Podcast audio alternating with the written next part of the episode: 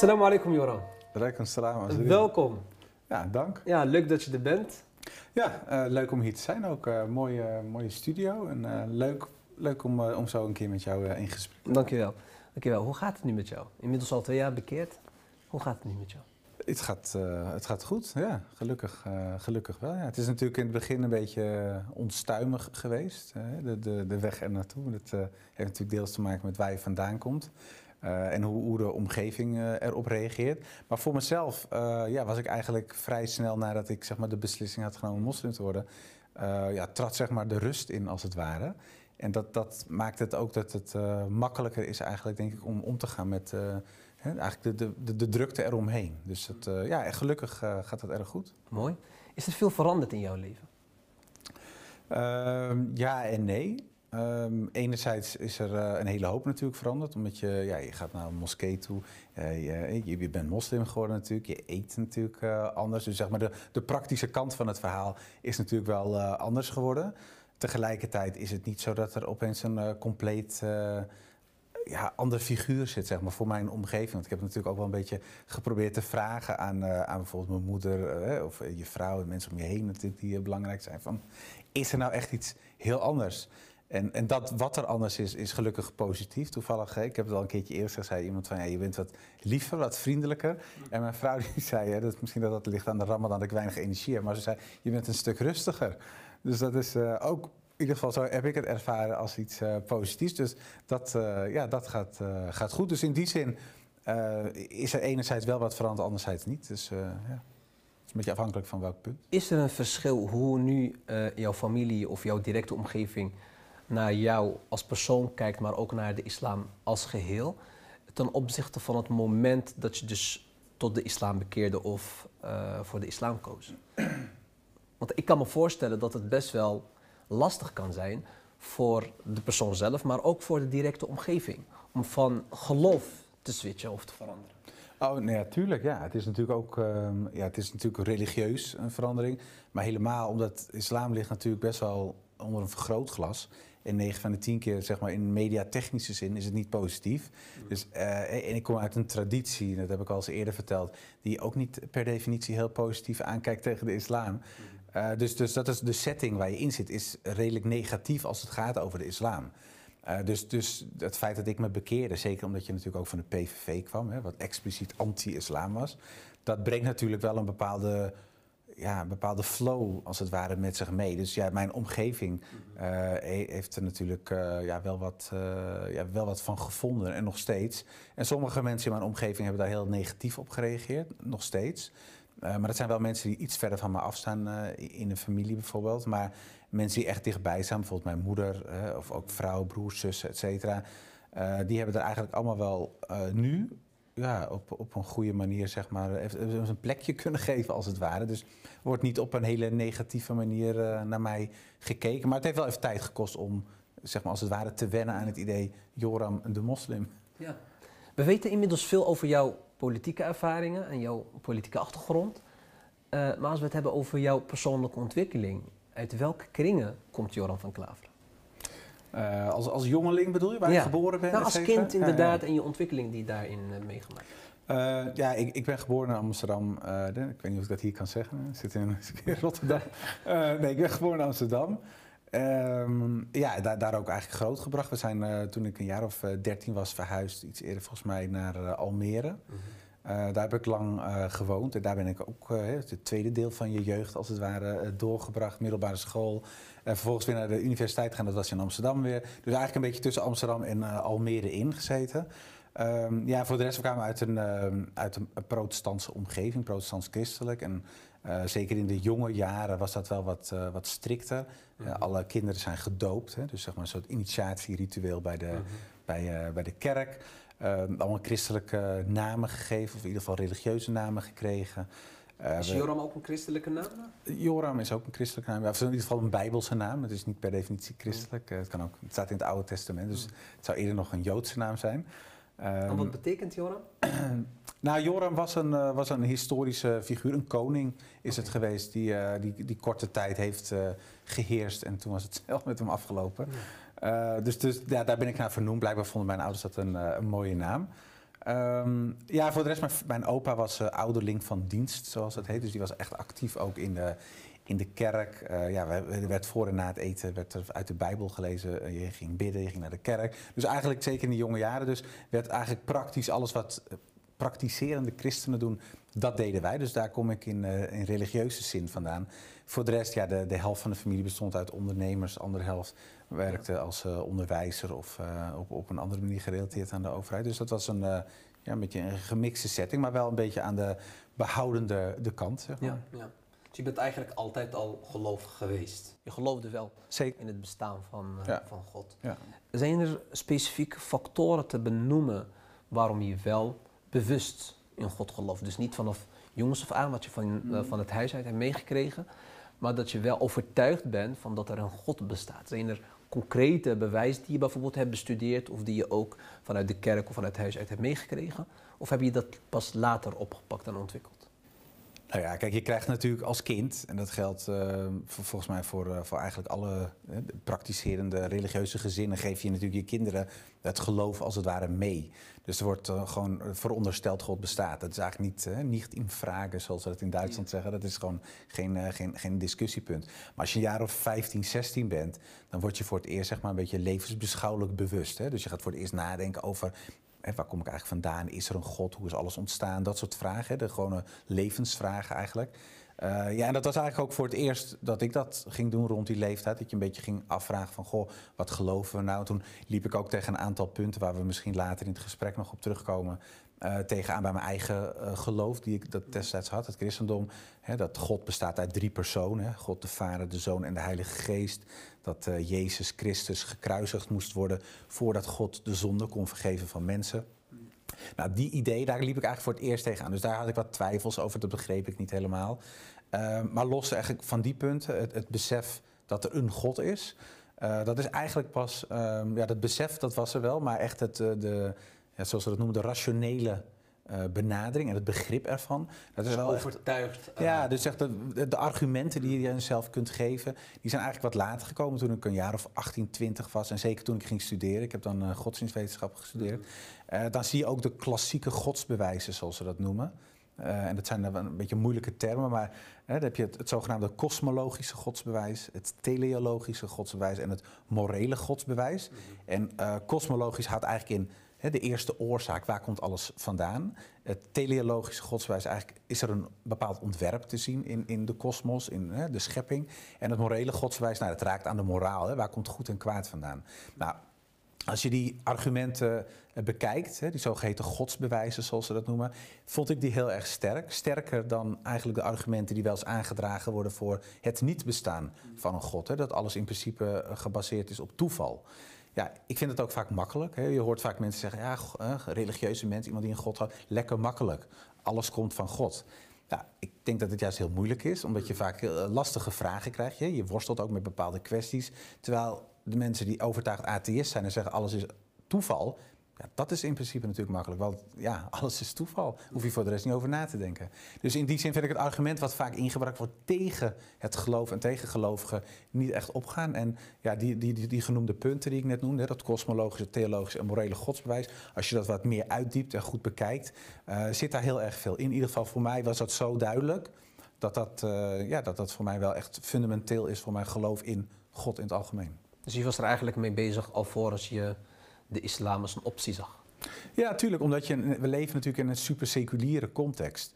De meeste, of je, of je nou christelijk bent of, of moslim, uh, als je gelovig bent en je komt daarvoor uit, dan word je natuurlijk geconfronteerd met een omgeving die overwegend niet religieus is. Hè? Want ik, ik, ik, kom dan af en toe uh, in het buitenland, maar ook als je wel spreekt met mensen uit het buitenland, hè, tegenwoordig is dan veel online en zo, dan gaan mensen in het buiten, buiten Europa vooral er altijd van uit dat Nederland een christelijk land is. Ja. En dan zeg ik ook altijd, dat is niet zo. Dat is historisch zo. Maar tegenwoordig, heel veel mensen geloven überhaupt niet in God. Of die zeggen, ik geloof in iets, maar ik weet niet precies wat. Maar als mensen dan expliciet zeggen, ik ben christelijk of helemaal, ik ben moslim. Ja, dat is voor veel mensen is dat toch een soort stap te ver, een brug te ver. En dan krijg je allerlei vragen. Dus al op jongere leeftijd was dat. En ik, ik ben al wat ouder. Uh, dan zag je het natuurlijk wel dat, uh, ja, dat je natuurlijk de behoefte krijgt bij jezelf ik wil uitleggen wat ik geloof en waarom het eigenlijk ja. niet gek is wat ik geloof. Dus ja, daar word je wel van, door, eigenlijk door de seculiere context waar je in zit heel erg mee geconfronteerd. En Eh, als je die behoefte bij jezelf hebt, en die had ik dan wel, en eh, ja, ik merk ook andere jongeren, zeker tegenwoordig ook, eh, is het gewoon goed om ja, argumenten te hebben om dat uit te leggen en te verdedigen. Als Ik denk, ik denk dat dat een hele belangrijke basis is om ergens in te geloven. Dus om erachter te komen dat er wel een God bestaat, of misschien niet. Ja. Eh, voor een, eh, degene die de zoektocht natuurlijk eh, start.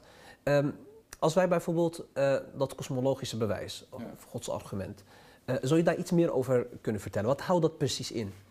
Ja, dat komt er eigenlijk op neer. Hè. De, de, ik probeer het heel simpel te houden. Als, als de vraag gesteld wordt van, goh, hè, waar komt alles dan vandaan? Dat is eigenlijk het kosmologisch godswijs. Dus eh, vanuit, vanuit de religie, en dat is vanuit de middeleeuwen, al zag je in de islamitische wereld, maar ook in de christelijke wereld, is eigenlijk zijn die argumenten, wat dat betreft is eventjes niet belangrijk welke kleur je hebt als het ware, maar gewoon bestaat er een god ja of nee? Dat is de discussie. En dan zie je dus door de verschillende tradities heen, ook in de, in de Joodse traditie overigens, dat dat kosmologische godsbewijs, van waar komt alles vandaan, is er een eerste oorzaak? Ehm, ja, dan zie je dus dat, eh, zelfs al bij de, bij de, de Grieken, hè, Aristoteles is dan een bekende filosoof, die zei al, er is een soort onbewogen beweger. Hè. Tegenwoordig weten we vanuit de natuurwetenschap dat er altijd beweging is.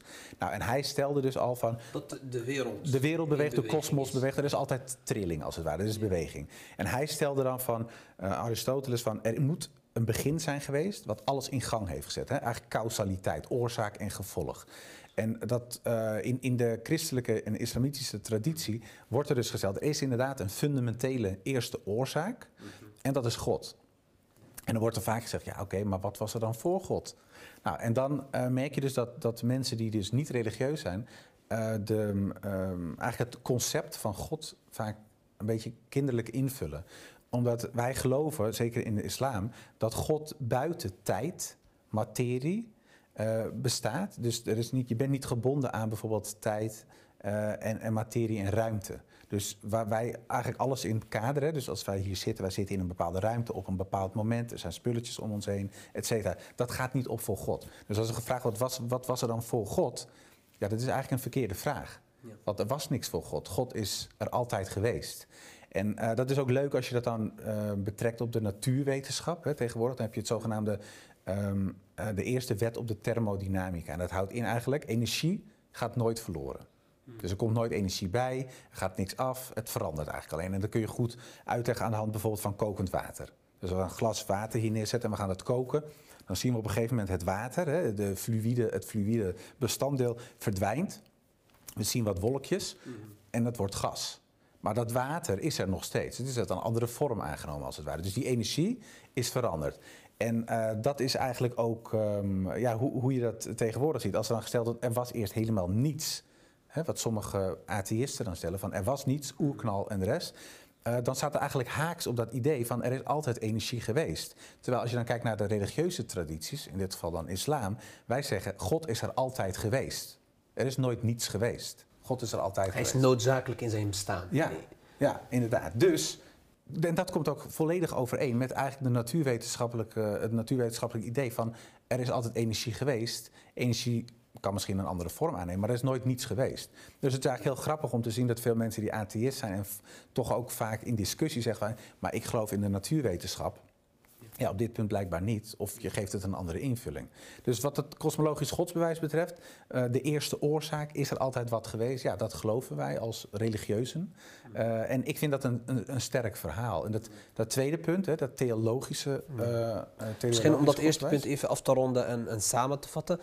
Wat interessant is aan dit bewijs of aan dit argument is dat het een neutrale vorm aanneemt. In die zin dat je dus niet op zoek gaat naar het bestaan van God of juist het tegenovergestelde ervan.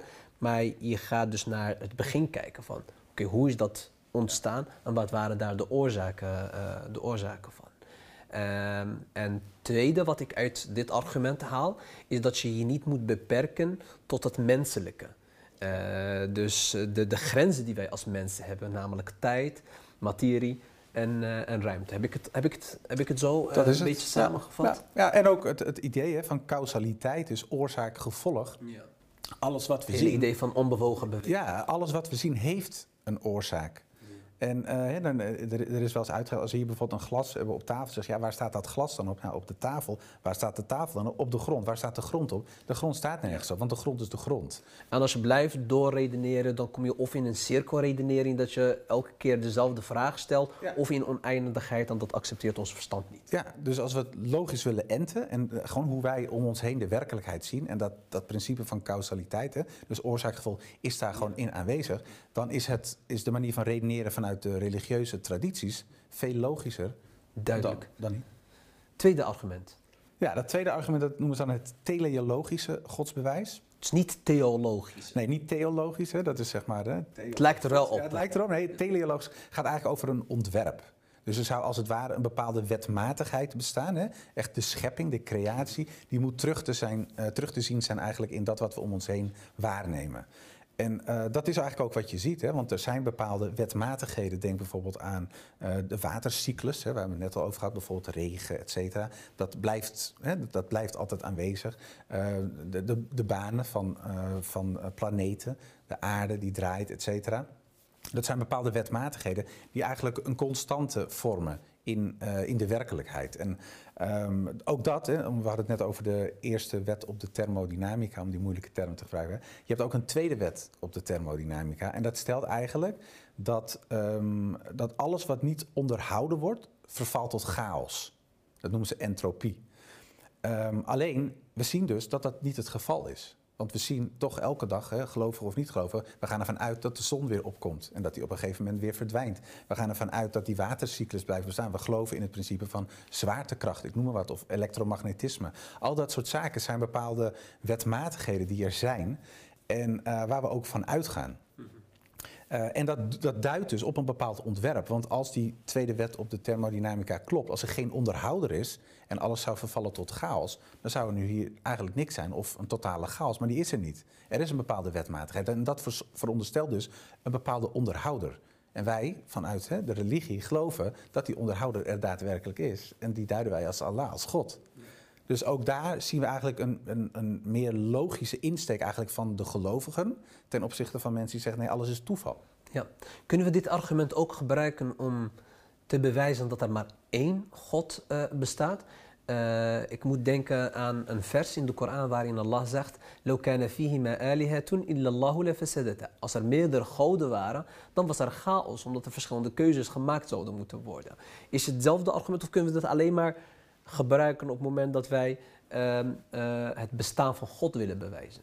Nou ja, kijk, als je die, hè, die verschillende godsbewijzen bij elkaar neemt, het, het, het duidt steeds wel op één werkelijkheid, zeg maar, op één fundamenteel begin. Hè. Bijvoorbeeld Aristoteles had dan over die onbewogen beweger. Hij ziet niet de onbewogen bewegers. Ja. Nee, hij had het over één.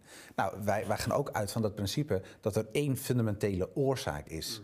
Eh, en het, eh, als er een begin is, is het niet een beginnen. er is steeds één. Dus het duidt inderdaad wel op een, op een eh, ja, singulier, het is een, een één, een, een begin. Een, eh, een enkel. En dat, als wij er dan uitgaan dat dat een eh, goddelijke entiteit is, ja, dan gaat het dus over één God, de God. We kunnen, we kunnen ook eigenlijk eh, we kunnen ook stellen dat, dat het ook in strijd is met, met de regels van het verstand, om dat zo te zeggen. Dus op het moment dat jij één God hebt die dus onafhankelijk is van allerlei andere factoren, zoals ruimte, materie en, en, en, en tijd, dan kunnen we nooit dezelfde goden hebben met exact dezelfde eigenschappen en dezelfde essentie op hetzelfde moment en dezelfde plek hebben die dezelfde keuzes maken. Het is hetzelfde alsof je zegt, we hebben precies hetzelfde als dit, op dezelfde plek, op hetzelfde moment, die ook dezelfde functie vervult. Ja, het een sluit het ander eigenlijk als het ware uit. Nee, dat klopt. Derde argument. Het derde argument is het, eh, ja, het zogeheten morele godsbewijs. Eh, of het morele godsargument, hoe je het eh, wilt noemen. En dat gaat eigenlijk meer over de vraag: waar komt de moraal vandaan? Waarom vinden we het bijvoorbeeld niet erg dat een leeuw een antilope opeet? Dan zullen we niet zeggen, ah, die, die, die moordenaar, die leeuw, die foeit, hè, die moet opgesloten worden. Maar als eh, wij hier nu naar buiten lopen en iemand eh, schiet voor onze ogen een ander neer, dan zullen we zeggen, verschrikkelijk, hè, diegene moet, hè, er moet recht gedaan worden. Dus dat concept van recht, hè, moraal, van wat is goed, wat is slecht, dat gaat blijkbaar niet op voor dieren, maar wel voor mensen. En ehm, dat, dat idee, zeg maar, van waar komt dat idee vandaan dan? Hè? Van waarom hebben wij die behoefte of dat gevoel van hè, gaat hier iets mis of niet? Hè? Want uh, je hebt dus zelfs een voorbeeld aangehaald over bijvoorbeeld cannibalisme. Nou, wij, wij vinden dat over het algemeen verkeerd. Waarom vind je dat verkeerd? En zelfs mensen die bepaalde stammen die in het verleden dat dan al tot, tot iets uh, normaals hadden verheven. Zelfs binnen die stammen zie je, als je vanuit de antropologie bekijkt, dat er eigenlijk altijd bezwaren zijn geweest. Dat mensen zeggen, eigenlijk is dit niet goed. En dat blijkt ook, je kunt ook ziek worden natuurlijk daarvan. Uh, dus, maar zelfs dus bij, bij groepen waar gesteld wordt van het is normaal, werd het eigenlijk niet als normaal verondersteld. Dus uh, om het even een, een extreem voorbeeld te geven, of genocide. Niemand vindt dat normaal of mensen daar nou voor of tegen zijn. Het is niet een normale, uh, een normale setting. Eh, de, de, meest verschrikkelijke dingen zijn natuurlijk gebeurd uh, in de geschiedenis. En dat idee dus dat er, dat er dus recht gesproken moet worden en dat er dus goed en kwaad bestaat, dat moet ergens vandaan komen. En uh, ja, voor niet-religieus is dat heel moeilijk, want dan wordt er eigenlijk gezegd van ja, ik geloof nu niet, ik geloof niet in God, ik ben niet moslim of ik ben geen christen. Ik bepaal zelf wat ik goed of slecht vind. Nou, tegenwoordig is dat natuurlijk überhaupt heel moeilijk om te doen, omdat je natuurlijk van oudsher ja, je cultuur ergens van hebt meegekregen. Dus jouw voorouders hebben wel een bepaalde godsdienst gehad. En de ouders daarvoor, et cetera, et cetera. Dus dat gaat heel, heel ver weg, veel verder terug dan waar jij en ik nu zitten. Dus je kunt überhaupt tegenwoordig niet meer stellen van... ik sta los van een bepaalde religieuze traditie. Want die religieuze traditie is zo verweven in jouw cultuur... in, in de beschavingen die we zien op de wereld... dat dat niet meer te stellen is. Maar ook vanuit het idee van, hè, er wordt wel eens gezegd... ja, uh, het heeft te maken met de evolutietheorie. Het was gewoon beter voor mensen om elkaar niet af te slachten, et cetera. En er is toevallig in eind jaren 90 een groot onderzoek gedaan door Williams en Collins. Dat zijn twee onderzoekers. En die gaven eigenlijk aan, zijn overigens niet religieus, die zeiden ja, de, de, het zoeken naar het begin van de moraal voor de mens blijft heel erg lastig voor ons, omdat we het niet we kunnen het niet enten. We kunnen niet zeggen het is inderdaad beter om elkaar niet af te slachten. Want in sommige gevallen, als het gaat over de survival of the fittest van een kleine groep, hè, hoe overleef ik, is het misschien zelfs beter om die andere groepen dood te maken als er bijvoorbeeld weinig eten is. Zelfs in een gezin zou dat dan zo zijn, maar toch doe je dat niet. En er werd er vaak gezegd, ja, dat is omdat je je vult voortplanten. En dat klopt. Alleen er zijn natuurlijk ook mensen die vanuit altruïstische beweging zeggen van... ik stort mezelf in, uh, in het water om een kindje te redden wat ik niet ken. Ja. Nou, daarmee pleegt hij als het ware, hè, of in ieder geval die kans bestaat dat hij zelfmoord pleegt. Dus zijn stam, als hij de enige in zijn stam was, of een van de weinigen, uh, zou kwetsbaarder worden met de dood van die betreffende man, even in dit hypothetische voorbeeld. En hij redt dan het kind van een ander. Nou, dat, dat komt ergens vandaan, die, die moraal. En uh, er is een bekende moraalfilosoof geweest, de vorige eeuw, uh, Isaiah Berlin heette die, een van de bekendere figuren. En die zei ook, ja, het argument voor niet-religieuzen en hij, uh, hij uh, ente dan zijn moraalfilosofie niet religieus. Zei dat is gewoon dat mensenrechten mensenrechten zijn. Dus hij zei gewoon, we hebben een afspraak gemaakt met z'n allen. En dat vinden we zo fundamenteel, daar wijken we niet van af. En dat is de reden waarom mensenrechten belangrijk zijn. Alleen filosofisch gezien is dat natuurlijk een beetje ja, uh, shaky. Want die mensenrechten kunnen natuurlijk veranderen.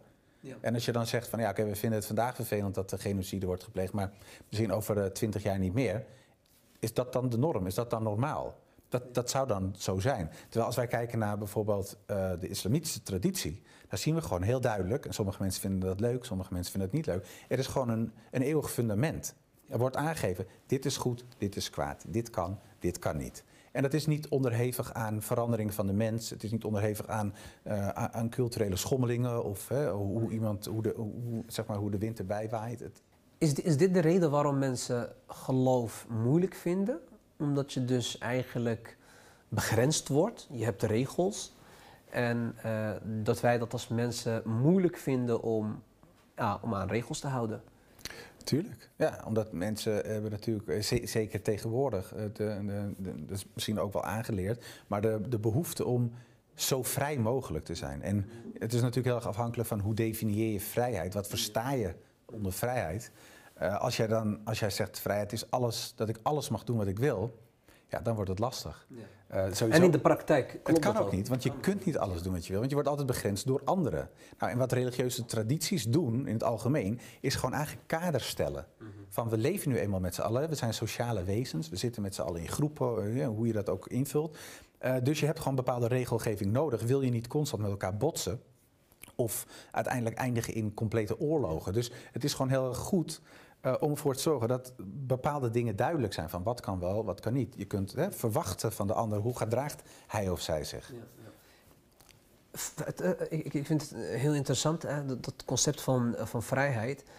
Um, als we kijken naar verschillende samenlevingen, maar vooral de samenleving waarin wij leven, de westerse samenleving in het algemeen, die van Nederland in het bijzonder, merken dat vrijheid heel vaak gekoppeld wordt aan persoonlijke verlangens, uh, doelen die iemand wilt realiseren, invulling die een persoon aan zijn of haar leven wilt geven.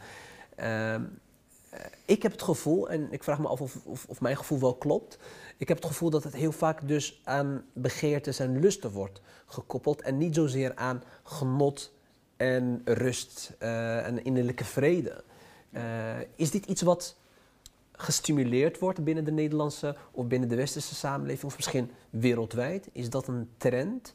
Uh, of uh, is dat meer een, een, ontwikkeling dat mensen, uh, dat moraliteit aan het veranderen is, omdat het niet vaststaat? Dat mhm. mensen hun eigen normen en waarden aan het creëren zijn. En veranderende moraal. Ik denk dat dat voor een heel groot deel ook te maken heeft met secularisering. Want heden ten dagen hoor je heel vaak van het Westen staat per definitie voor elke vorm van vrijheid.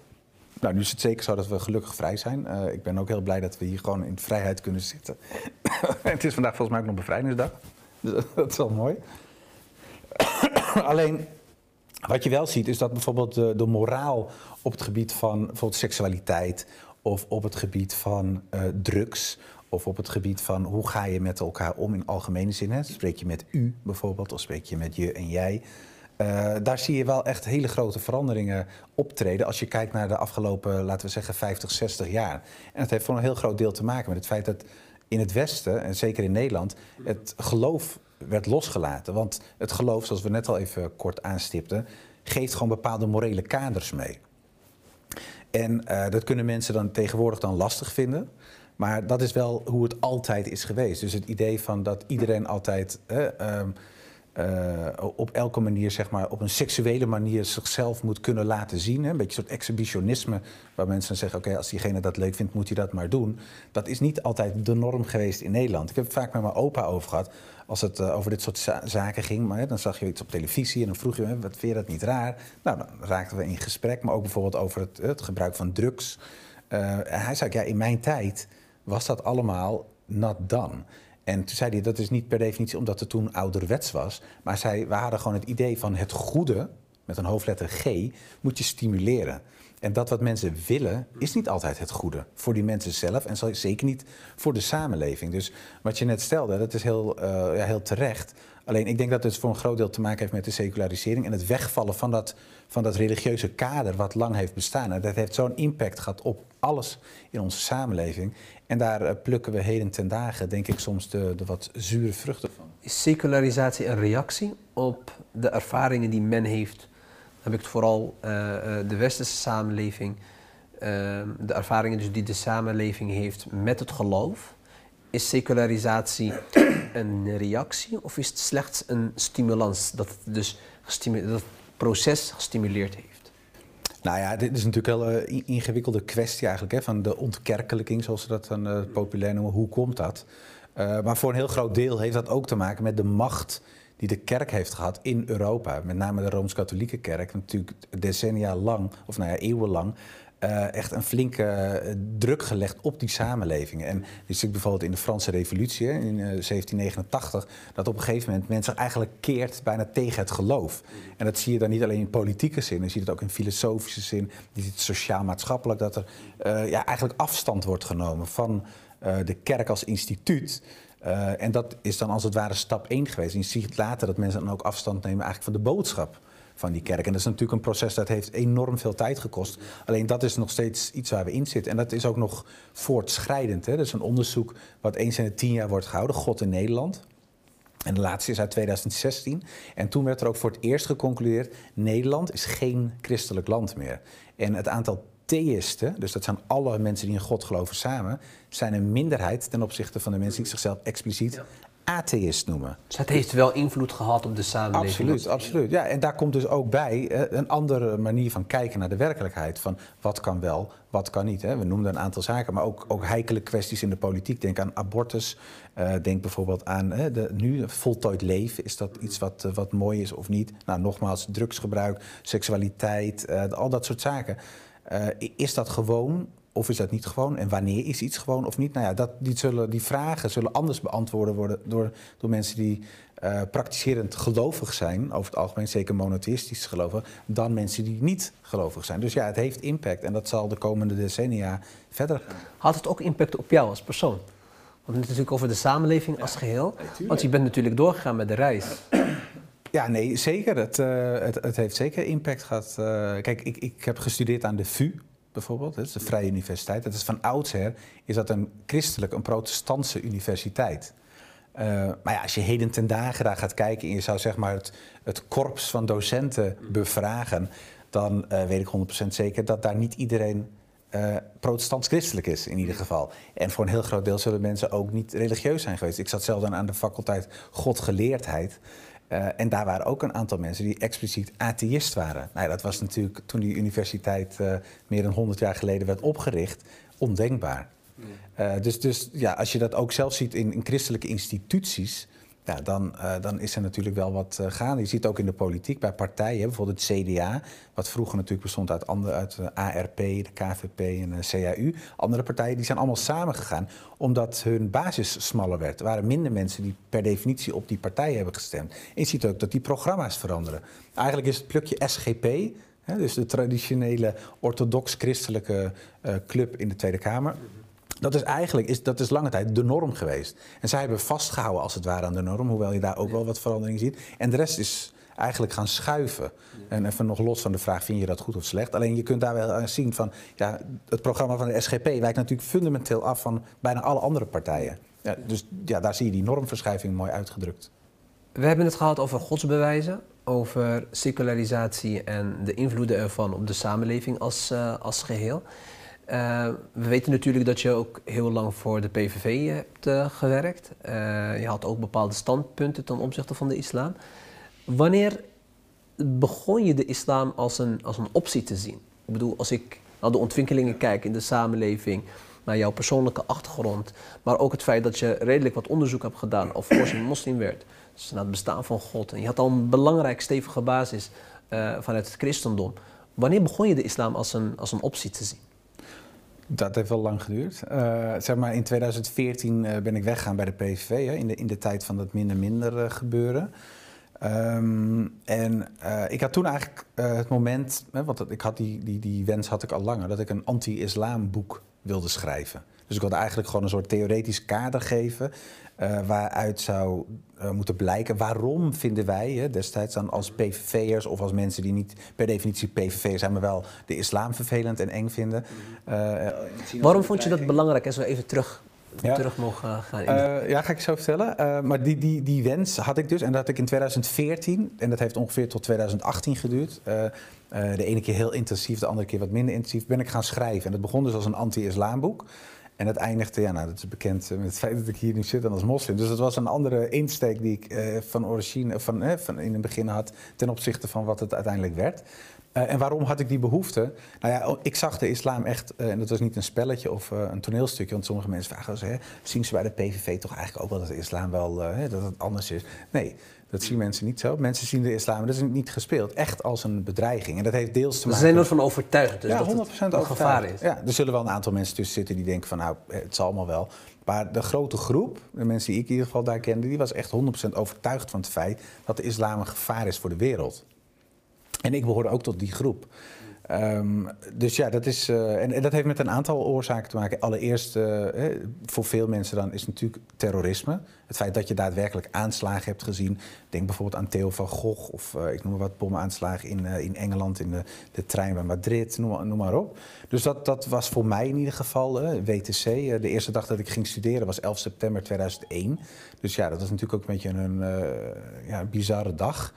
Um, en dat was mijn eerste dag. En ik had al een bepaalde ja, aversie, als het ware, tegen de islam. En dat had niet zozeer te maken met terrorisme. Dat, dat bevestigde eigenlijk alleen maar mijn idee.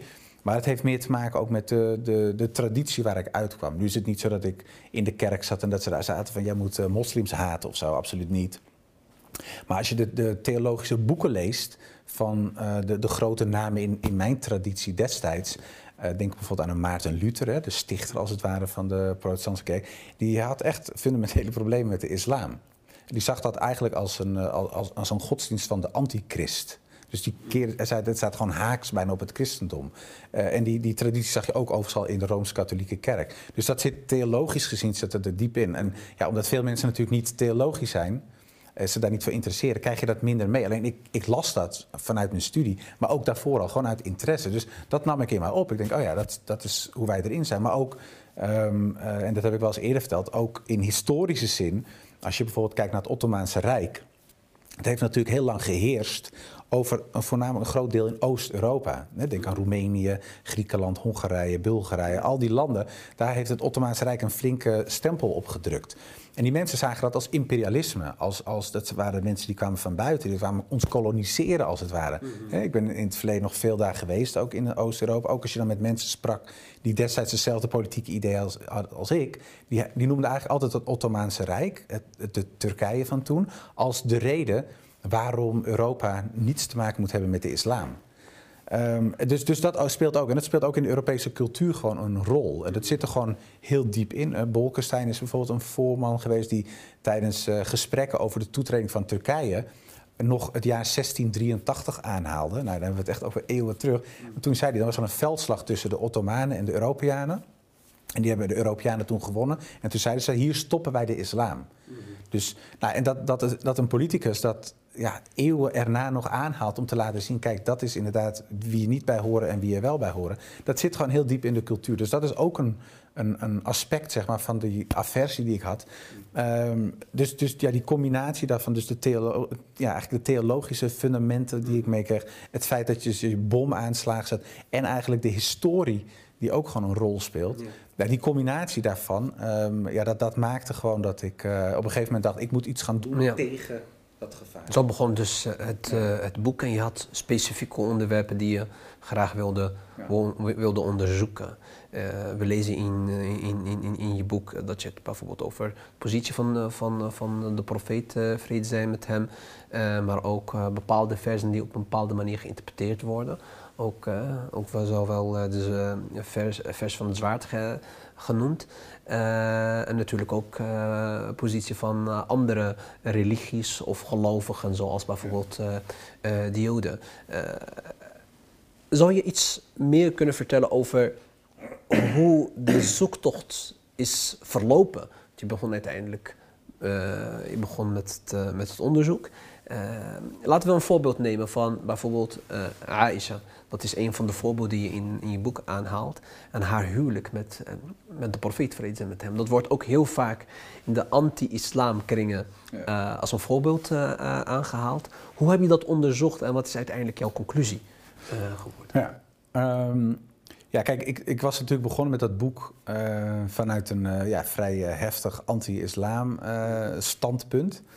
Uh, en dat eindigde natuurlijk anders. Uh, en, alleen dat is echt een heel, heel lang proces geweest. Het eerste moment eigenlijk dat ik uh, dacht van... goh, hè, de islam heeft eigenlijk best punten waar ik me in zou kunnen vinden.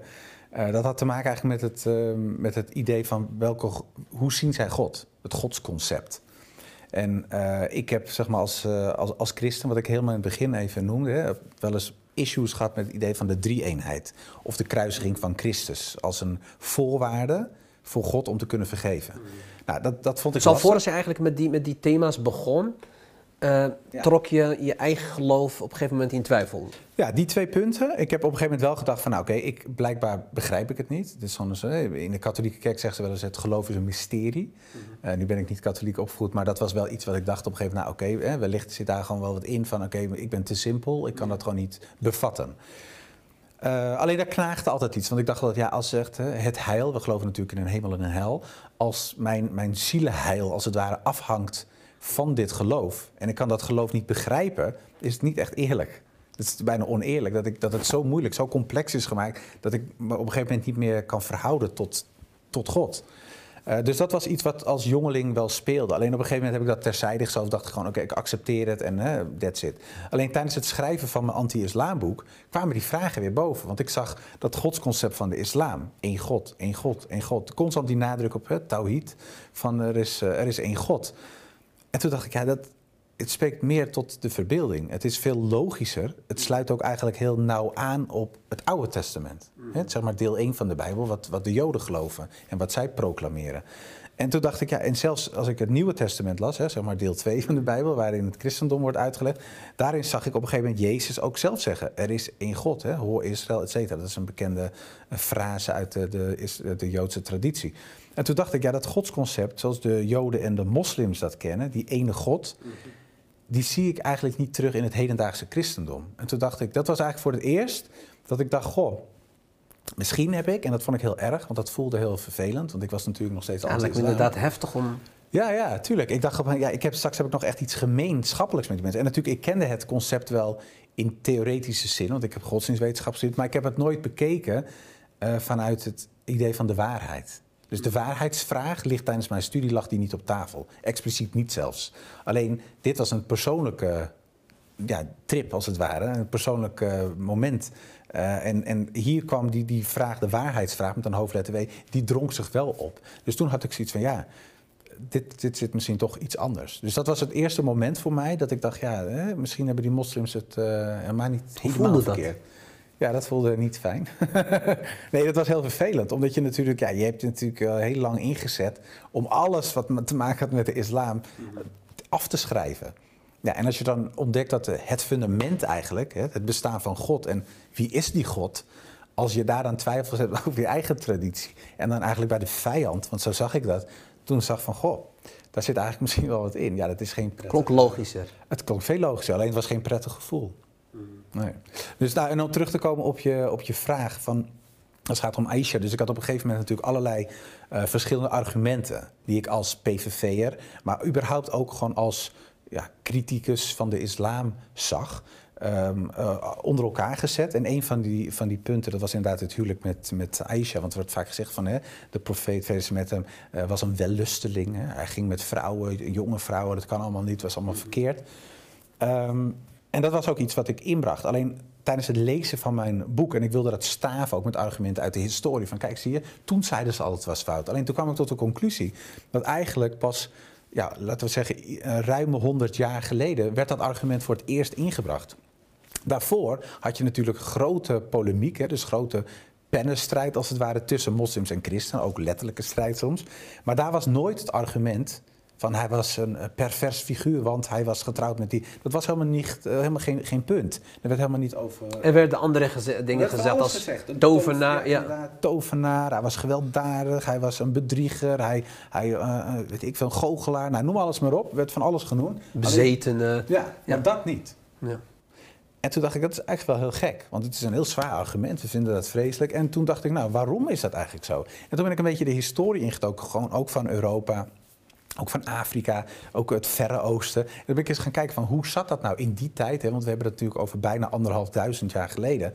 Mhm. En uh, daar zie je ook, en ook als je dan uh, niet moslim uh, deskundig op dat gebied van, hè, van de oude historie van het Midden-Oosten bijvoorbeeld, uh, gaat uh, raadplegen. En je kijkt van, goh, wat schrijven deze mensen aan? Dan zag je ook dat bijvoorbeeld meneer Raven, dokter Raven, bekende Arabist, die stelde ook van ja, het was helemaal niet ongebruikelijk dat oudere mannen trouwden met meisjes die overigens niet gezien werden als meisje, maar als vrouw. En wat was dat moment? Dat was gewoon de puberteit.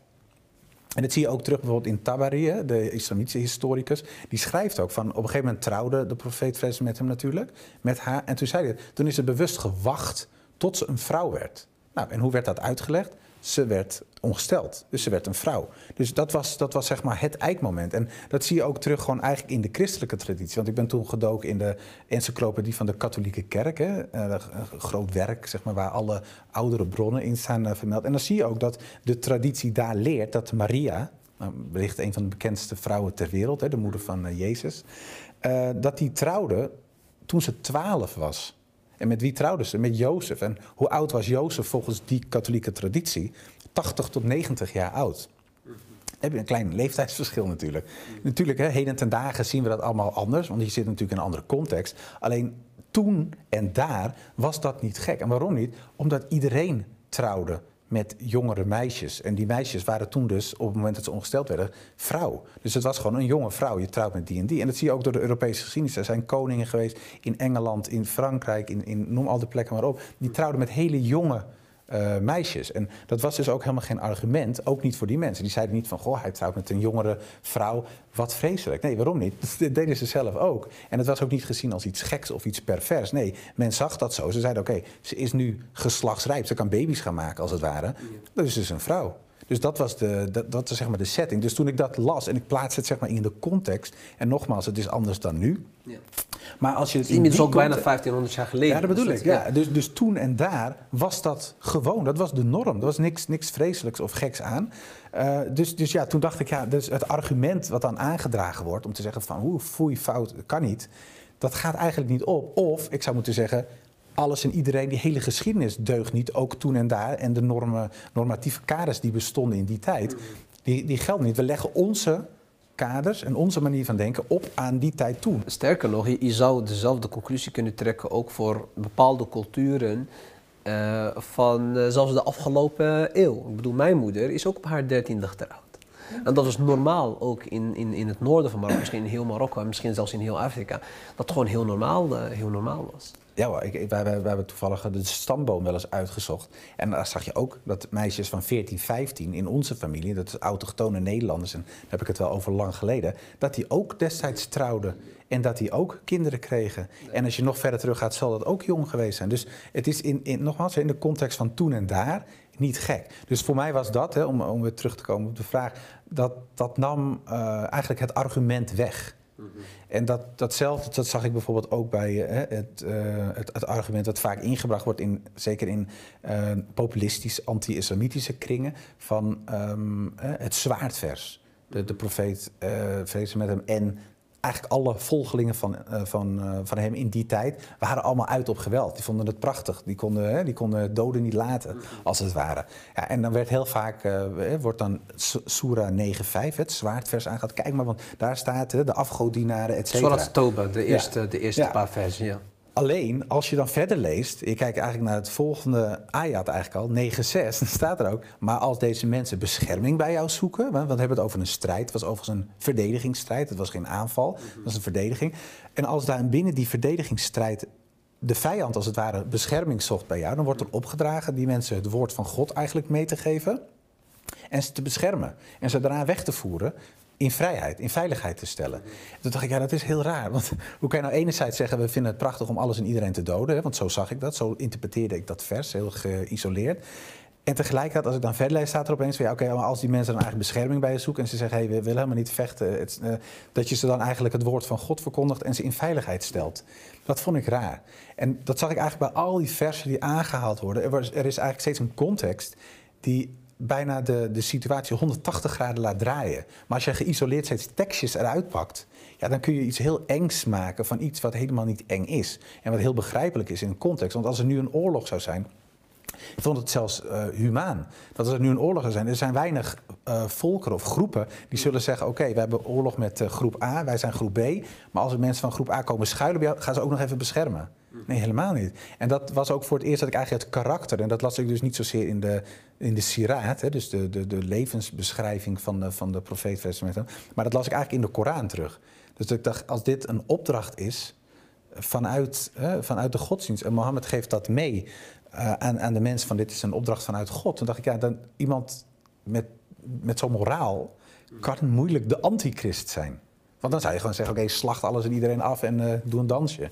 Maar dat gebeurde dus niet. Dus, dus dat, heeft, dat heeft jou getriggerd om anders te, te gaan kijken. Ja, dus om die teksten allemaal in, in perspectief te gaan plaatsen en de contexten erbij te zoeken. En tegelijkertijd, tijdens het schrijven van het boek, heb ik ook verschillende autoriteiten aangeschreven. Overigens niet alleen maar uh, moslimautoriteiten, uh, maar ook christenen. Dus sommige dominees heb ik aangeschreven, zelfs met een priester gecorrespondeerd.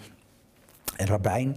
Uh, en uh, ja, dat, dat maakte op een gegeven moment uh, een van de mensen die ik dan ja, die, die veel heeft gedaan voor mij. Dat was Abdul Hakim Murad van Cambridge University. Professor Tim Winter is zijn Engelse naam. en die zei toen ook: Weet je wat, je krijgt van mij een lijst met boeken. geef mij jouw lijst met boeken. Dat heb ik gedaan. Ik heb gewoon al mijn anti-islam literatuur naar hem toegestuurd. Uh, allemaal titels erbij, schrijvers. En toen zei hij, prima, ik ga ze bekijken. En dan ga ik allemaal boeken geven die uh, die je ook moet lezen. Lees die ernaast. En hij zei, als je gaat lezen, dan kun je ook zien op een gegeven moment... waar nemen deze mensen de verkeerde afslag? Waar interpreteren ze iets wat niet zo is geïnterpreteerd in de traditie? Waar verzinnen ze iets? Waar komt er zelfs iets bij wat er helemaal niet staat? Nou, dat heb ik gedaan. op een gegeven moment dacht ik, ja... ik ben toen mijn hele oude boekenkast gaan herlezen... met zijn titels ernaast. En toen zag ik dus van, goh, dit slaat eigenlijk nergens op. Mm -hmm.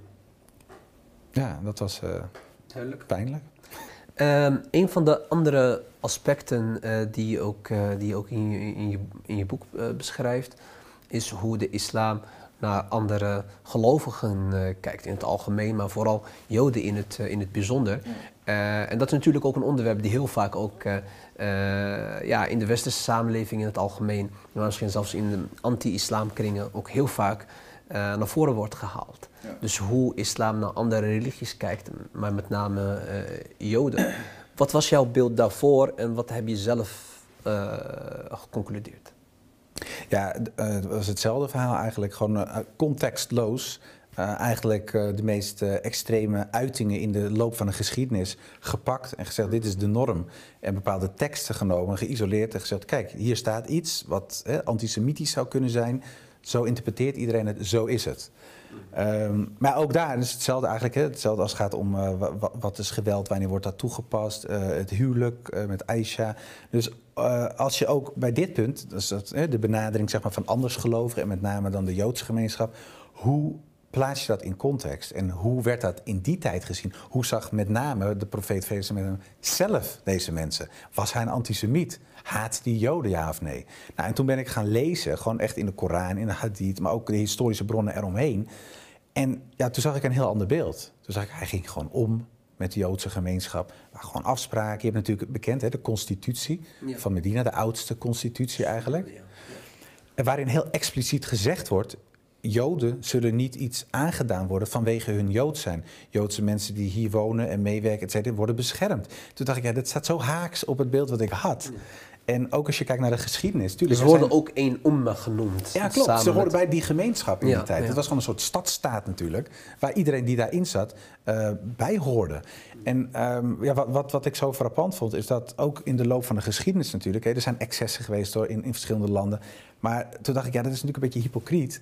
Om dan te zeggen, ik interpreteerde het christendom niet als antisemitisch maar de islam wel. Als wij kijken gewoon naar de geschiedenis van het christendom, dan zien we natuurlijk de meest vreselijke pogroms plaatsvinden in Europa. De Joden hebben het meest geleden in Europa. Ik bedoel, de Holocaust heeft hier plaatsgevonden. Niet dat dat één op één vanuit het christendom komt, maar er is wel een bepaalde voedingsbodem gelegd uh, vanuit echt van heel oud dat, dat de Joden werden gezien als degene die Christus hadden gekruisigd, als de, de, de, de, moordenaars van Christus. Dat is iets wat je in de katholieke traditie, maar ook in de protestantse traditie. Het, het heeft dus echt een ideologische basis. Theologische basis. Theologische ja, dus er werd echt gezegd van, hè, dan heb je een bepaalde passage in de Bijbel die, en dan wordt er gesteld dat de Joden, eh, die zeiden dan, als jij dan daadwerkelijk gezonden bent door God, laat dan jouw bloed over ons en onze kinderen komen. En heel veel christelijke mensen hebben in de loop van de eeuwen dat gezien als, oh zie je, zij zijn vervloekt, ze hebben het over zichzelf afgeroepen. Gelukkig wordt dat heden ten dagen anders gelezen. En ook toen hoor, door anderen. Maar voor een heel groot deel ligt daar wel een, een, oorzaak voor antisemitisme in Europa. En je hebt natuurlijk ook met, ten tijde van de kruistochten gezien. Hè, daar hebben we het natuurlijk ook over heel, heel lang geleden. Maar dat mensen het heilige land, hè, dus Jeruzalem, gingen bevrijden van de moslims. Maar wat deden ze dan? Dan trokken ze door Europa heen. En wat gebeurde er? Alle Joodse gemeenschappen die zij tegenkwamen, die werden eventjes een kopje kleiner gemaakt. Mhm. Waarom? Dat zeiden ja, dat zijn eh, moordenaars van Christus, dat zijn de ongelovigen, et cetera, et cetera. Dus eh, dat, dat antisemitisme, dat zit ook heel erg diep in de Europese cultuur. En dat heeft deels te maken met de theologie van het christendom, oude uitleg voornamelijk daarvan. Hè. Uh, want uh, Jezus zelf komt natuurlijk ook uit een Joodse context, context, dus het is niet zo dat hij dat, hij dat zelf leerde. Mhm. Alleen je ziet wel dat de uitleg daarvan door niet-Joden altijd op een antisemitische manier gebeurde. Terwijl als je dan kijkt, zelfs Bernard Lewis, en dat is dan een bekende islamcriticus eigenlijk. Um, een, een, Orientalist ook, een uh, Midden-Oosten-kenner. Zelfs die zegt dat de islam in zichzelf niet antisemitisch is. Hij zegt er zijn antisemitische incidenten geweest, absoluut. Door de hele geschiedenis heen zie je dat. Maar dat is niet te enten op het geloof. Helemaal niet als je dan kijkt naar het voorbeeld van de profeet. Omdat hij dus op een hele andere manier omging met de gemeenschap. Gewoon, hij zag deze mensen als burgers van die specifieke Oema, als het ware. En eh, ja, toen, toen ik eh, die, die, de context ook bij bepaalde passages eh, erbij pakte... en soms zelfs zag dat bepaalde passages in de islamitische literatuur... dan heb ik het dus niet over de Koran en Hadith... maar gewoon over geschied, geschiedenisboeken, dat die niet kloppen. Dat, dat dan geleerden, hè, bijvoorbeeld Imam Malik... dan schrijft over een passage die heel bekend is, Gaibar. Dan wordt heel vaak gezegd, hè, er, zijn, er waren zoveel Joden werden onthoofd, 6 tot 900. En Een bekend slagveld inderdaad, ja. ja. nou, die veldslag heeft zeker plaatsgevonden. Alleen de wijze waarop dat zeg maar, in de geschiedenisboeken terecht is komen, volgens Imam Malik, en dan hebben we het ook over eeuwen en eeuwen gezegd, dit, slaat nergens op. Dit is helemaal niet gebeurd. En er waren ook mensen die zeiden, dit is niet zo. En dan werd er gezegd, ja, dat is wel opgenomen in de literatuur. Waarom? Omdat die verhalen de ronde. Het was zo erg als. Maar feitelijk was dat dus niet zo. En zo, daar zie je dus, dat, en dat gebeurt bij heel veel van die verhalen, dat er, eh, ja, als het ware een soort fabels zijn die in die periode, in die context leefden. En die worden dan één op één overgenomen door Orientalisten. En die zeggen dan, die baseren zich dus niet op de heilige boeken van de moslims. Nee, die baseren zich op fabels uit die regio. En die fabels werden levend gehouden, ook door christenen. Ook door überhaupt niet-moslims, christenen en joden, andersgelovigen. En dat werd dan naar voren. En dat wordt dan hier gezien, heden ten dagen. Oh, zie je wel, dat doen de moslims. Dat is wat zij vinden. Ja, omdat, omdat natuurlijk eh, bepaalde bronnen, islamitische bronnen, als we het hebben over de Koran en de Sunnah, dan moeten ze ook aan bepaalde voorwaarden voldoen om als authentiek te beschouwen. En dat heb je dus niet bij eh, historische werken van eh, bepaalde geleerden. Die nemen alles over wat er werd gezegd of wat in, eh, binnen een bepaalde samenleving werd verspreid. Ja, en- Zij en- toetsen ja. dat niet zeg maar aan de Nee, hand. en, maar er werd dan ook bijgezet, dat is ook niet onze taak. Ja. Dus zeggen we doen dit niet vanuit religieus oogpunt in dit geval. Hè, die geschiedschrijvers die zeiden gewoon: dit zijn de verhalen die wij horen. We schrijven dat gewoon op. Ja, dit is als het ware verslaglegging van: oké, deze verhalen leven, dat schrijven we op. Alleen heden ten dagen wordt het dan door ja, eigenlijk de, de, de anti-moslimbrigade, om het even te noemen, wordt dat dan eh, gezien als: kijk, dat zijn islamitische bronnen. Nee, het zijn geen islamitische bronnen. Dat zijn gewoon bronnen van geschiedschrijvers die inderdaad moslim waren. Dat is iets anders dan de islamitische bronnen, want dan hebben we het over de Koran, dan hebben we het over de Hadith. Dat is toch echt iets anders. En wat je zegt, is natuurlijk heel terecht, en dat weet je natuurlijk veel beter dan ik. Maar er zijn, eh, er zijn bepaalde voorwaarden waar je aan moet voldoen. Wil je überhaupt gezien worden als betrouwbaar, als zijnde een tekst? Ja, en als je daar niet aan voldoet, dan word je ook niet als zodanig bestempeld. Alleen die, die, ja, die, die, die kennis hebben veel mensen natuurlijk helemaal niet. Ja, wat ik me als laatste afvraag, en dan, en dan gaan we dit gesprek eh, afronden. Het is heel interessant. eh, dank voor de mooie inzichten. Waar, waar, waar komt eh, die obsessie, als ik het zo mag zeggen, om de islam dan eh, zo te framen? Ik bedoel, eh, de Orientalisten die, die nemen bepaalde zaken over, niet alle, niet alle Orientalisten natuurlijk. Eh, wat ik mij dan afvraag, heeft dat een, een, een stevige wetenschappelijke basis? Of is dat ook eh, gekleurd in die zin omdat men een bepaalde beeld heeft, een vertekend beeld over, over de islam, dat er dit soort zaken makkelijker worden overgenomen en dat er niet voldoende tijd en energie geïnvesteerd wordt om het daadwerkelijk te onderzoeken. Ja. Eh, Nou waar ja, kunnen we het ja. plaatsen? Nou ja, kijk, tegenwoordig moet ik zeggen, ook als je gewoon net vanuit uh, zeg maar, godsdienstwetenschappelijk oogpunt, er zijn, er zijn heel veel, uh, met name westerse geleerden, die een hele andere visie hebben op de islam dan, laten we zeggen, 100 jaar terug. Er is heel veel werk verricht. Uh, mensen zijn veel uh, ja, zeg maar objectiever te werk gaan. En dat heeft ook deels te maken met het feit dat, uh, nogmaals, wat ik net al noemde, de katholieke kerk en ook de protestantse kerk hebben heel lang de islam gezien als de vijand. Gewoon in theologisch zin. Het was een concurrent. Je hebt nog steeds natuurlijk twee grote godsdiensten, christendom en islam. Dat zijn de concurrerende groepen als het ware. Um, dus, dus, die streden, die botsten. En dat zag je ook letterlijk op het slagveld is dat gebeurd, maar ook met de pen. Hè. Mensen hebben over en weer dingen over elkaar geschreven, geprobeerd de ander zijn waarheid te weerleggen. Dus dat zit heel diep in, in de cultuur. Dus Maar die tweede heb ik in ieder geval geen problemen mee, zolang we dat wetenschappelijk en met respect nee, doen. Ja. Alleen je ziet dus dat uh, door de eeuwen heen, en dat is gewoon onderdeel van wie wij in het Westen zijn, en omgekeerd zie je dat overigens ook, er zit gewoon een stevige uh, ja, concurrentiestrijd als het ware ingebakken. Dus dat is iets. Dan heb je natuurlijk gewoon nog uh, de veldslagen die natuurlijk, uh, ook natuurlijk een stempel hebben gedrukt. Je ziet heden ten dagen natuurlijk ook um, de boodschap van terreur.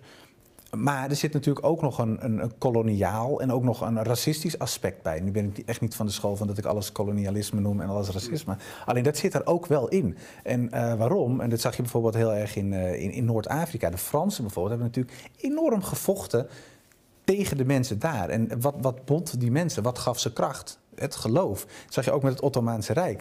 De, de, de Britten met name, die zeiden waarom moest dat Ottomaanse Rijk kapot?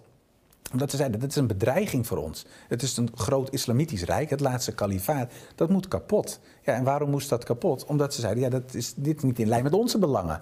Dus, maar wat bond dat rijk? Dat was niet zozeer van, nou, we, we spreken allemaal dezelfde taal. Nee, dat was de godsdienst met name. En dat zie je steeds eigenlijk door de geschiedenis heen. Dus die, die bindende factor bij de, bij de moslims is de islam. En ja, als jij, als jij groot wordt of machtig, of je, hè, je kunt je stempel drukken op de geschiedenis als het ware, dan is dat soms gelukt en soms niet. Alleen de concurrenten, in dit geval is dat, hè, want dat gesprek voeren we nu, is dat Europa, met name de christelijke wereld geweest, die wilden dat niet. Ja, dus wat krijg je dan? Dus alles wat je dan schrijft over je vijand is negatief. Dus dat is theologisch negatief, dat is etnisch is dat negatief, dat is nationaal negatief. Dus eigenlijk op alle mogelijke manieren wordt er een, ja, wordt er een, een verkeerd beeld geschetst. En er, is, er is dus genoeg werk aan de winkel. Er is heel erg veel werk aan de winkel. En nogmaals, hoor, de heden ten dagen zien we natuurlijk dat heel veel mensen dat gevoel niet hebben. En ook het idee dat heel de wereld anti-islam is, is natuurlijk ook niet zo. Je ziet helaas wel een groeiende groep. Maar ook in Nederland, kijk, uh, laten we zeggen 20% in het parlement is zeg maar uitgesproken anti-islam. Maar dat betekent 80% niet. Dus dat is ook wel belangrijk om, uh, om mee te geven. Mooi. Uh, we hebben het natuurlijk over jouw verleden gehad, uh, de ontwikkelingen die je zelf hebt meegemaakt. En ehm, wie is Joram van Klaveren nu, op dit moment? Dat is anno 2021. Je bent twee jaar bekeerd. Uh, je hebt geen gewone Ramadan volgens mij meegemaakt uh, in de afgelopen twee, drie jaar. Nee, nee dat is uh, tot nu toe ja, allemaal lockdown, half, et cetera ja. geweest. Dus ja, het zou mooi, mooi, zijn als we volgend jaar een gewone Inshallah, ja. Laten we hopen hebben, dat dat, dat dan voorbij is. Ja, ja, nee, absoluut. Maar wat, wat heb je de afgelopen twee jaar gedaan? Of wat ben je nu aan het doen? wat zijn je ambities naar de toekomst toe? Um, nou ja, ik ben natuurlijk uh, hard aan het werk geweest gewoon met, uh, met, met, met, je werk zelf. Ja. En Voor je gezin zorgen. En, ja, ja, gewoon de, de dagelijkse ja. beslommeringen die, die zijn natuurlijk niet opgehouden. Inderdaad, ik heb drie dochtertjes, die uh, moeten ook eten en drinken. Mooi. En die moeten ook naar school, et cetera. Dus daar ben je natuurlijk voor een heel groot deel mee bezig. Uh, ja, natuurlijk. Hè, allereerst natuurlijk ook met je godsdienst. Dus je leest je in, je probeert meer te leren. Uh, mijn mijn, mijn uh, steenkolen Arabisch probeer een beetje te verbeteren. Ja. En gaat dat een beetje? ja. ja, ook dat is natuurlijk lastig, want het kost tijd. Ja, en omdat je natuurlijk bezig bent met, nogmaals, met je werk en het alledaagse leven, dat schiet er soms bij in. En daarom is deze periode natuurlijk heel erg mooi, de Ramadan. Dat je iets meer tijd hebt om je toe te leggen, met name op de Koran. Hè. Dat is de tijd uh, om daar zeg maar, je, band mee te versterken. Nu moet ik zeggen dat het nog steeds niet optimaal is bij mij. Alleen ja, je probeert je natuurlijk wel zoveel mogelijk te focussen. Uh, maar ja, daar kom ik misschien nog een keer. Zeker, zeker. Van harte welkom, inshallah. Uh, als we kijken, als we het hebben over de positie van islam en moslims in Nederland, zijn er concrete dingen waar je mee bezig bent. want ik geloof wel in het feit dat wij als uh, moslims in Nederland uh, uh, de, de, de, ja, de fase achter ons hebben gelaten, de fase van integratie of zoals sommigen dat noemen assimilatie waar ik niet mee eens ben, dat we nu een fase hebben bereikt waarin wij een bijdrage moeten, moeten leveren. Als we het over die fase hebben, zijn er specifieke zaken waar je mee bezig bent of iets wat nu zich aan het ontwikkelen is? misschien. ja. Um nou ja, ik, ik, ik, denk allereerst dat het heel erg belangrijk is dat, dat er wordt doorgegaan met het proberen te counteren zeg maar, van die misvattingen. Ja. Uh, dat is gewoon heel erg belangrijk. Dus dat je in ieder geval, wie dat ook doet, of je dat nou op individueel niveau doet, ja. of uh, wat, eh, bijvoorbeeld met zo'n programma, wat jullie hebben, natuurlijk een omroep. Uh, dat je gewoon misvattingen die er bestaan, dat je die probeert weg te nemen. Dat je mensen probeert op te leiden, als het ware, zowel moslims, maar zeker ook niet-moslims, in hun idee, wat is nou eigenlijk de islam en wat doet een moslim? Dus dat is heel belangrijk. Want dat doe je natuurlijk ook. Ik, ik, ik, ik zie uh, uh, ja, verschillende evenementen voorbij komen in Nederland, maar ook in Amerika, in Canada ja, ben je volgens mij ook geweest. Ja, dus daar probeer je natuurlijk, kijk, en uh, dat is gewoon een persoonlijk iets. Ik heb natuurlijk uh, alles bij elkaar uh, 9 tot 10 jaar echt vol anti-islam geweest. door, door de, vanaf de gemeenteraad zeg maar, tot aan de Tweede Kamer. Um, en ik vind gewoon voor mezelf, ik moet minimaal die tijd ook besteden aan het, waar mogelijk, een beetje wegnemen van uh, ja, van, van, de ideeën die ik mee heb uh, helpen verspreiden. Uh, dus, dus dat is uh, voor mij een soort persoonlijke drijfveer. En dat is gewoon belangrijk, want die sociaal... Voel je je een beetje medeschuldig? Of? nou ja, je bent natuurlijk uh, hartstikke schuldig daaraan, medeschuldig. Dus ja, waar, en mensen zeggen dan ja, in theologische zin, je begint op nul hè, als het ware, je bent schone lei. En daar ben ik natuurlijk heel erg blij om. Alleen, ja, in, in sociaal-maatschappelijk zin is dat natuurlijk niet zo. Dus ik begrijp echt wel dat mensen zeggen van, dat ze het niet leuk vinden wat, wat je gezegd en gedaan hebt. en met name ik zelf vind dat natuurlijk niet leuk. dus, ik, ja, dus wat ik gewoon probeer is in ieder geval die, de ideeën waar, die ik naar buiten heb gebracht, die ik heb rondgeroeptoeterd, als dat een woord is. Om die in ieder geval te counteren, om uit te leggen van dat is niet zo. En ik denk dat ik juist nu in een positie ben waarin dat misschien beter aankomt. Omdat ik natuurlijk kan vertellen, ik, ik snap echt wel wat mensen bedoelen als ze bang zijn voor de islam of een aversie hebben of boos zijn of wat dan ook. Ik kan me daar heel goed in verplaatsen. Alleen ik kan ze ook uitleggen waarom dat niet klopt. Dus dat is wat ik uh, probeer te doen. Daarnaast, en dat is meer gewoon in bredere zin, denk ik dat dat gewoon heel goed is voor de islamitische gemeenschap. Om de instituties die je hebt, Denk aan scholen, om die gewoon te versterken en waar mogelijk uit te bouwen. We hebben nu twee middelbare scholen waar het uh, helaas niet zo heel erg goed mee gaat. Uh, Avicenna en uh, Haga. Misschien dat het inmiddels weer wat beter gaat, dat weet ik niet. Maar er was natuurlijk enige commotie de afgelopen periode. en dan hoor je ook wel eens stemmen opgaan van nou, dat soort scholen moeten helemaal dicht. Uh, ook uit de islamitische gemeenschap. En ik denk, nee, dat moet je niet willen. Die scholen moet je juist houden. Je zou eigenlijk een derde, vierde, misschien wel een tiende middelbare school moeten hebben. Je hebt natuurlijk enorm veel christelijke middelbare scholen. En het zou natuurlijk gek zijn met een uh, islamitische gemeenschap van 850.000 tot 1 miljoen dat je, dat je maar twee middelbare het, scholen Het is ook niet meer in verhouding. We hebben nee, 55 volgens mij basis, eh, ja, dus basisscholen. En ook verspreid door het land. Hè? Want ja. het zit allemaal in de Randstad. Maar ik bedoel, er zijn natuurlijk ook moslims in Almelo of in weet ik veel, in Limburg. Dus het is gewoon heel goed. En helemaal als dat kwalitatief goed is. En heel veel basisscholen, gelukkig de meerderheid, doen het heel erg goed. Nou, neem daar een voorbeeld aan en bouw dat uit. Ook eh, bij het middelbaar onderwijs, hè, dat er wat meer rust komt. En ik weet niet wat de redenen allemaal eh, zijn, dat wil ik ook niet weten. Maar het is wel belangrijk dat die stabiliteit terugkomt. En dat geldt ook bijvoorbeeld voor politieke partijen. Het is natuurlijk goed, en je hoeft niet per se een aparte politieke partij te hebben voor moslims. Leuk als, er, als die er is of als die er komt of wat dan ook. Maar het zou ook gewoon goed zijn om in verschillende politieke partijen te acteren en daar je stem te laten horen. En als het dan gaat over islam of onrecht, dat je vanuit verschillende hoeken iets kunt doen. En ook bijvoorbeeld een lobbyorganisatie, en dat is dan uh, waaruit uh, Spior op dit moment uh, mee bezig is. En probeer ik zelf ook een steentje aan bij te dragen. Om echt iets op te zetten wat ervoor zorgt in ieder geval dat er een soort politieke monitor is. Dus mensen die in de gaten houden wat speelt er, op welke momenten kun je wat doen. Dat je niet steeds achter de feiten aanloopt, maar dat je dus proactief iets kunt doen. En er zijn genoeg slimme moslims in Nederland, jongens en meisjes, mannen en vrouwen. Er is genoeg geld. Uh, er zijn genoeg uh, capaciteiten. Dus het zou heel mooi zijn. En je ziet dat nu ook gewoon al gebeuren, want het is ook natuurlijk een kwestie van tijd. Mm. Uh, dat zich dat uitkristalliseert en dat dat gewoon stevige, ja, stevige wortels schiet zeg maar, in Nederland, voor zover dat nog niet gebeurd is. Want nogmaals, ik denk ook dat het een kwestie van tijd is. Want ja, over 50 tot 100 jaar zullen dit soort gesprekken misschien heel raar gevonden worden dat we het hier over gehad hebben. Alleen helaas is het nu wel noodzakelijk. Maar dat is gewoon een kwestie van, ja, van wennen. En ook de, de, de samenleving verandert gewoon. Ook de manier van denken, de mensen, et cetera. Dus ik heb uh, wat dat betreft wel goede hoop. Voor Met, de toekomst. Uh, positief uh, ja, ik ben wel positief gestemd. Alleen het is wel noodzaak natuurlijk dat je wel vinger aan de pols houdt en daar ook naar werkt. Ja, dat wij dus ons verantwoordelijkheid Ja, natuurlijk. Ja, gewoon zo, zoals uh, ieder ander. En gelukkig gebeurt het ook. Want er wordt wel eens gezegd van... pas de islam en moslims in het westen, pas dat allemaal wel bij elkaar. Uh, en, en daar kun je natuurlijk een historische beschouwing van geven dat dat absoluut zo is. Alleen gewoon als je kijkt naar alledaagse werkelijkheid. Ja, ik. Uh, de, de groenteman die moslim is, of een automonteur, of een dokter, of een juf, of weet ik veel wie die draaien ook gewoon mee. Dus het is al een feit. Iedereen draait al gewoon mee. Alleen er wordt steeds de nadruk gelegd op het is anders, het kan niet, het is gek. Ja. En dat zal na verloop van tijd gewoon wegappen. En dan uh, wennen we Laten we tot uh, hopen en tot God bidden en dwaden dat het uh, versneld wordt, inshallah. Een boeiend gesprek. Uh, ik wil je uh, ja, bedanken voor uh, dit interessante gesprek. En ik hoop je vaker in, in, in onze studio te mogen verwelkomen, inshallah. Ja, nou ja, hartstikke bedankt voor de uitnodiging en ik kom graag nog een keer terug. Ja, dankjewel.